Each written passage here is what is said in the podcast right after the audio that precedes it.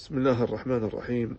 قال ابن عباس رضي الله عنهما في قصة بني إسرائيل ولما أمروا بذبح بقرة في قوله تعالى قالوا ادع لنا ربك يبين لنا ما هي قال لو أخذوا أدنى بقرة اكتفوا بها لكنهم شددوا فشدد الله عليهم وهذا الذي ذكره ابن عباس فيه التحذير من ذكر بعض الأسئلة التي فيها التشدد.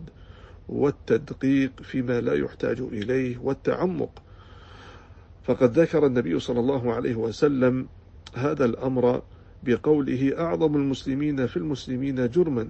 من سأل عن شيء لم يحرم فحرم من أجل مسألته. فبين النبي صلى الله عليه وسلم أن هناك من الأسئلة التي قد يشدد على صاحبها بها.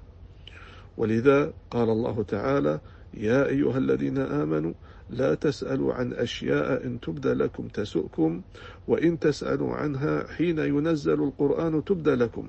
عفى الله عنها والله غفور حليم. فبين الله عز وجل أن هناك من الأسئلة التي لربما يكون فيها التشديد على الإنسان فيما لا يطيق. فخير الأسئلة التي فيها نفع الإنسان لنفسه وفي دينه وفي دنياه.